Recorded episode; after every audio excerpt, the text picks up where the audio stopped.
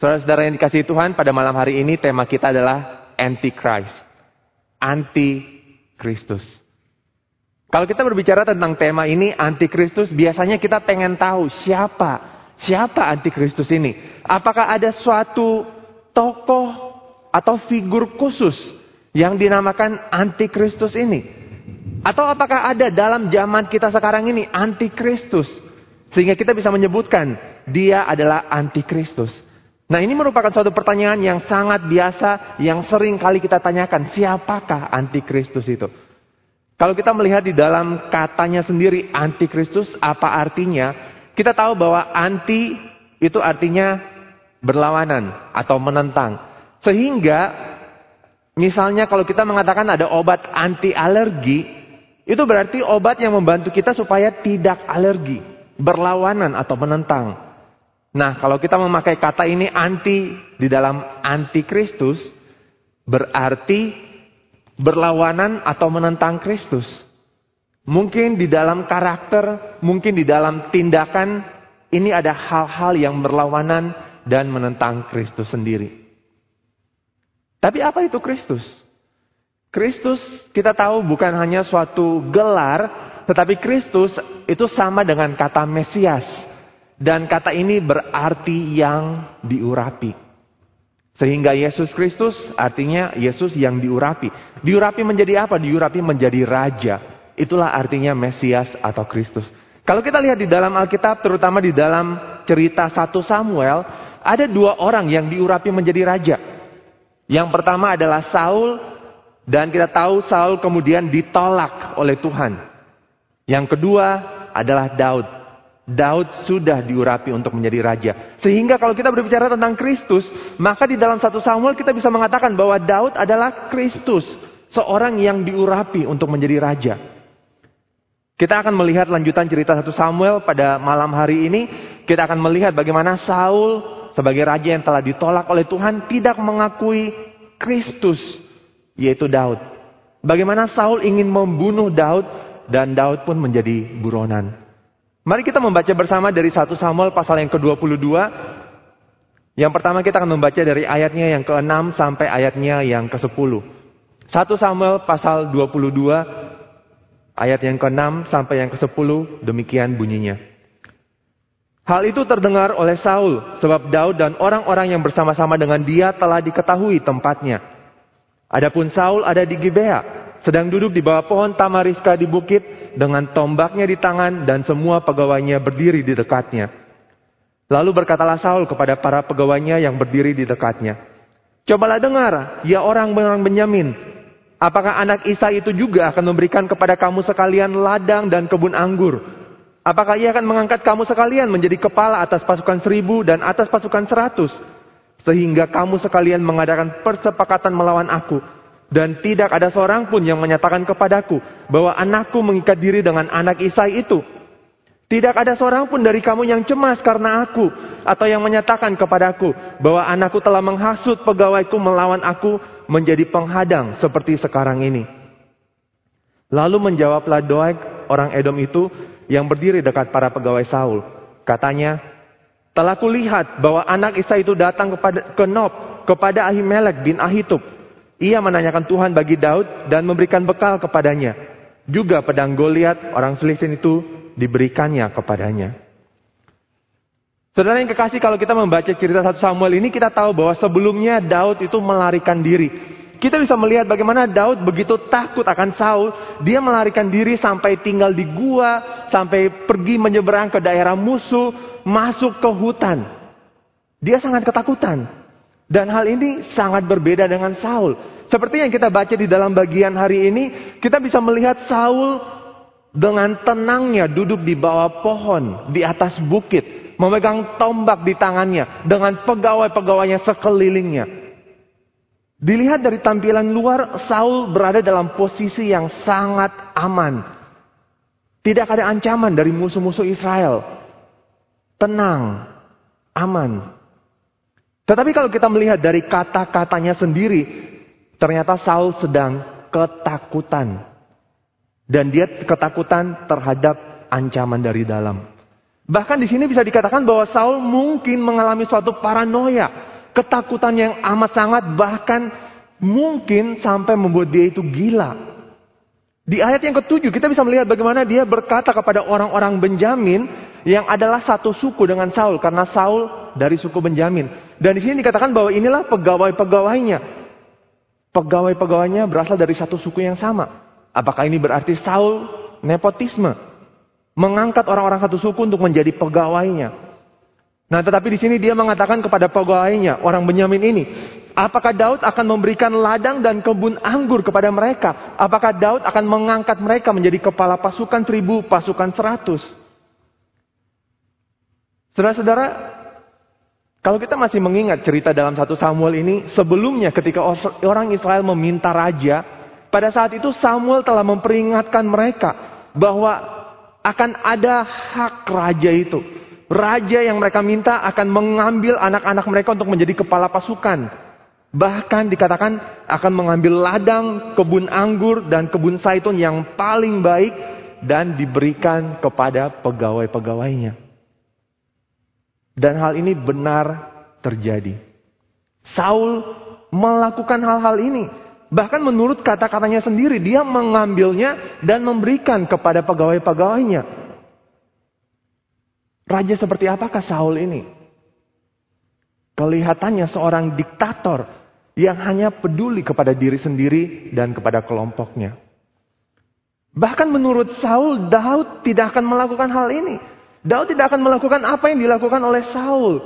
Dengan kata lain, menurut kata-katanya sendiri, Saul mengatakan Daud lebih baik daripadanya. Kalau Daud menjadi raja, Daud tidak akan melakukan apa yang Saul lakukan. Tapi memang pada saat itu Saul sedang ketakutan. Bahkan mungkin dia percaya kepada teori konspirasi. Sehingga dia mulai menuduh pegawai-pegawainya itu melawan dia. Dan dia mengatakan, kenapa kalian bersepakat melakukan persengkongkolan terhadap aku. Bahkan tidak ada yang mengatakan kepada aku bahwa anakku sendiri melawan aku. Sampai di sini semua pegawai tidak ada yang berani menjawab. Padahal mungkin di dalam pikiran mereka, mereka berkata, Raja jangan percaya hoax. Jangan percaya konspirasi seperti itu. Kami semua tidak ada yang melawan raja. Kami semua di pihak raja. Tapi mereka hanya diam. Dan mereka tidak berkata apa-apa. Tapi ada satu orang, ada satu pegawainya yang berani berkata. Dan di sini disebutkan bahwa dia adalah Doeg orang Edom. Yang berarti dia bukan orang Israel. Dia bukan umat Tuhan. Bahkan orang Edom itu adalah musuh bebuyutan bangsa Israel. Sejak orang Israel keluar dari Mesir, mereka sudah sering melawan orang Israel. Doeg orang Edom. Dan dia memberikan suatu info kepada Saul. Bahwa dia melihat Ahimelek menanyakan Tuhan bagi Daud. Bahkan memberikan bekal dan pedang Goliat kepada Daud. Saudara perhatikan apa yang dikatakan oleh Doeg di sini. Apakah hal ini benar? Memang benar. Kalau kita membaca cerita sebelumnya, kita tahu bahwa memang Ahimelek memberikan bekal roti kepada Daud, memberikan pedang Goliat kepada Daud. Tapi di sini Doeg tidak bilang kenapa Ahimelek itu membantu Daud. Sekali lagi kalau kita membaca cerita sebelumnya, kita tahu bahwa pada saat itu memang karena Daud mengatakan dia ditugaskan oleh Saul. Doeg sebagai imam, sebagai seorang umat Tuhan sebagai seorang yang berada di bawah pemerintahan Saul, ketika dia mendengarkan bahwa Daud berada di, sedang ditugaskan oleh Saul, tentu saja dia pasti akan membantu Daud. Nah, tetapi di sini Doeg tidak berkata apa-apa tentang hal itu. Bahkan kalau kita baca ceritanya, sebenarnya tidak diceritakan tentang Ahimelek menanyakan Tuhan bagi Daud. Jadi, apakah di sini Doeg sedang memfitnah Ahimelek? Atau mungkin dia sedang menyebarkan hoax, berkata bohong. Apa sebenarnya tujuan Doeg mengatakan hal ini? Apakah dia ingin mengambil hati Saul, raja yang berkuasa ini? Atau mungkin dia ingin balas dendam kepada para imam-imam itu? Karena sebelumnya dia harus melayani di tempat imam-imam itu. Kita melanjutkan ceritanya, mari kita baca dari ayat yang ke-11 sampai yang ke-19. Kita melihat kembali ceritanya ayat yang ke-11. Lalu raja menyuruh memanggil Ahimelek bin Ahitub, imam itu, bersama-sama dengan seluruh keluarganya para imam yang di Nob. Dan datanglah sekaliannya menghadap raja. Kata Saul, cobalah dengar ya anak Ahitub. Jawabnya, ya tuanku. Kemudian bertanya Saul kepadanya, mengapa kamu mengadakan persepakatan melawan aku?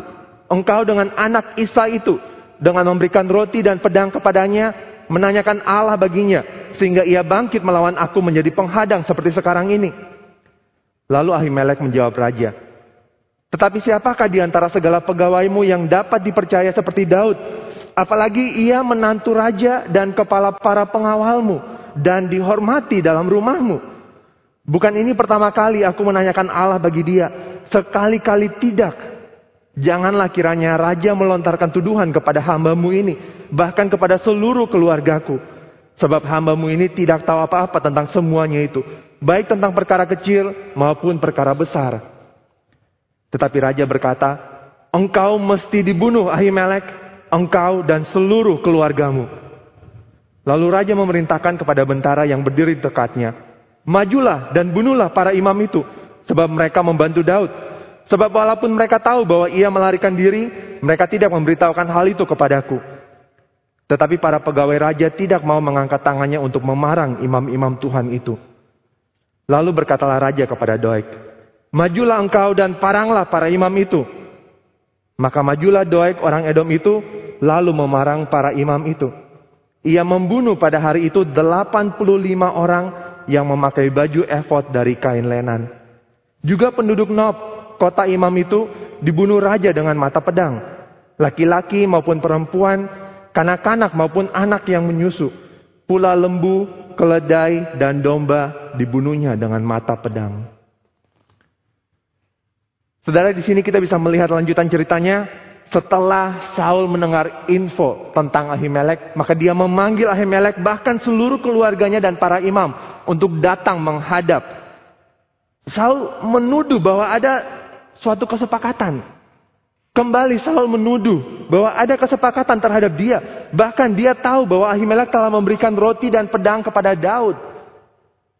Dan tentang hal ini Ahimelek tidak menyangkal. Karena memang benar Ahimelek telah memberikan roti dan pedang kepada Daud. Tetapi Ahimelek mencoba berargumen. Dan dia mengatakan bukankah Daud adalah orang kepercayaan Saul. Bukankah Daud adalah orang yang dihormati. Dan apa yang Ahimelek katakan memang benar. Daud memang adalah menantu raja. Daud memang adalah kepala pengawal Saul sendiri. Dan kalau ada pegawai Saul yang dipercaya, maka orang itu adalah Daud. Daud dikenal oleh rakyat. Karena itu Ahimelek bertanya, kenapa sekarang mereka dituduh? Kenapa mereka menjadi salah sekarang? Lagi pula kalau kita melihat di dalam ayat yang ke-15, bukan ini pertama kali Ahimelek menanyakan Allah bagi Daud. Maksudnya memang bukan ini pertama kali. Maksudnya Ahimelek memang belum pernah. Dia belum pernah menanyakan Allah bagi Daud. Ini bukan pertama kali. Karena dia belum pernah. Dan di sini Ahimelek mengatakan kenapa Saul menuduh dia. Jangan kiranya raja melontarkan tuduhan ini. Apa pun perkara antara Saul dan Daud, Ahimelek tidak tahu apa-apa. Dan di dalam hal ini, dia berkata benar. Tetapi Saul tetap membunuh Ahimelek. Dan di sini kita kembali melihat raja seperti apakah Saul ini. Kenapa Saul tetap ingin membunuh Ahimelek? Di sini kita bisa melihat bahwa dia adalah raja yang tidak percaya orang lain. Raja yang hanya memikirkan dirinya sendiri.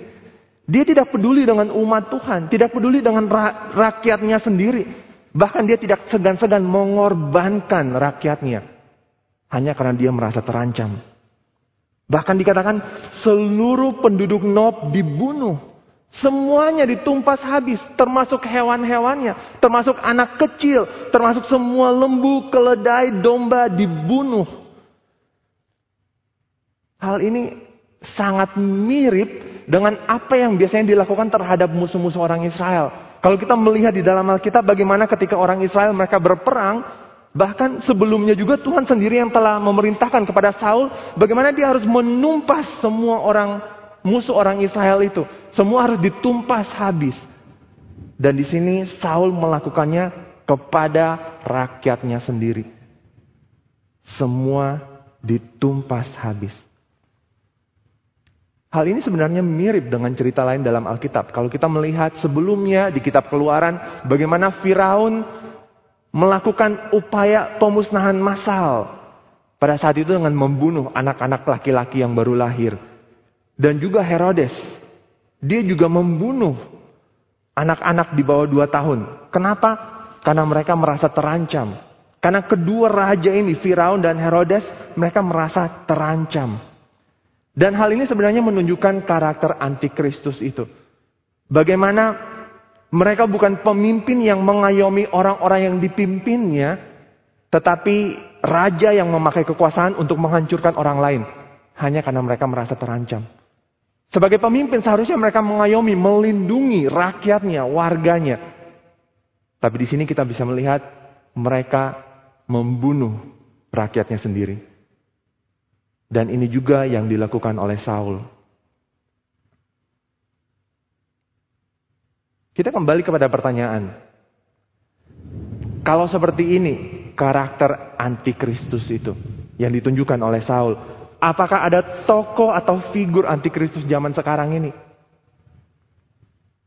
Kalau kita melihat dalam Alkitab, Rasul Yohanes pernah berkata bahwa banyak antikristus bukan hanya satu.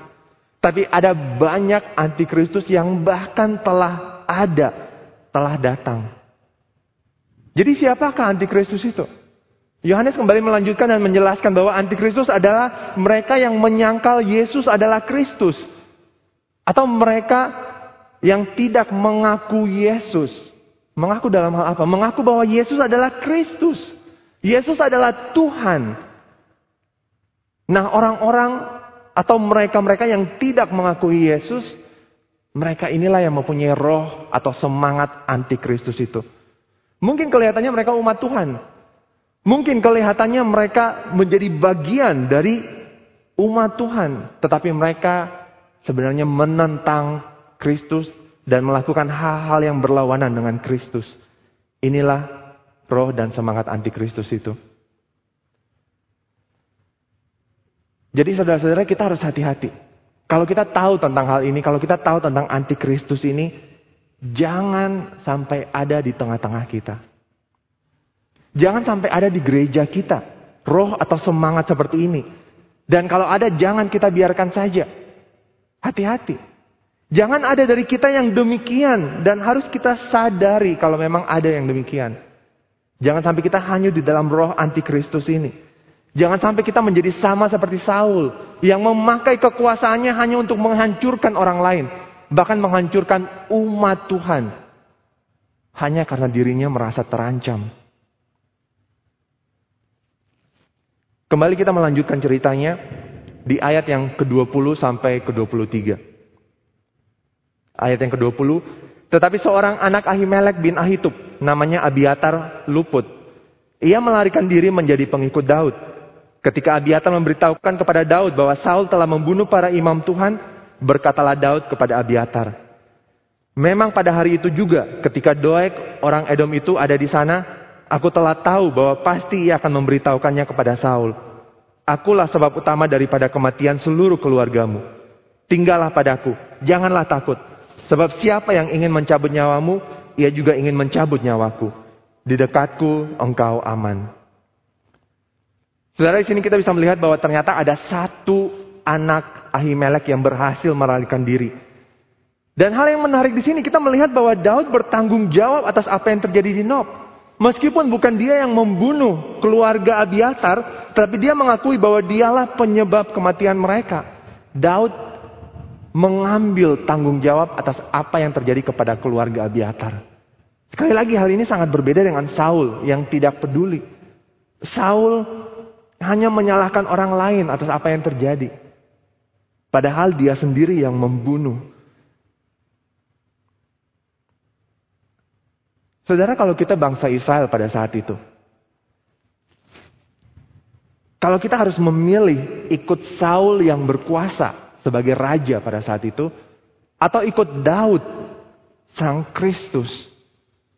Siapakah yang kita pilih?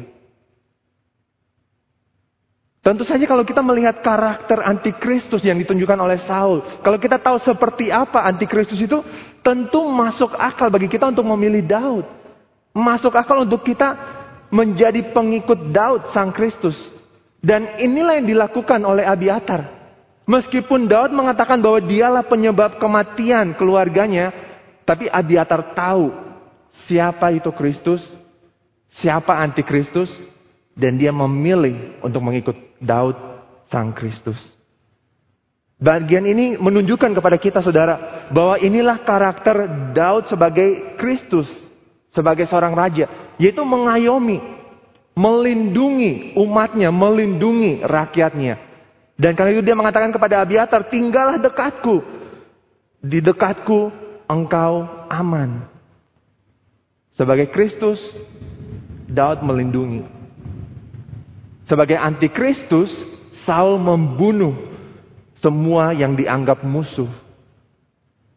Sebagai Kristus, Daud ditentang oleh Saul, antikristus, yang ingin membunuh Kristus dan para pengikutnya.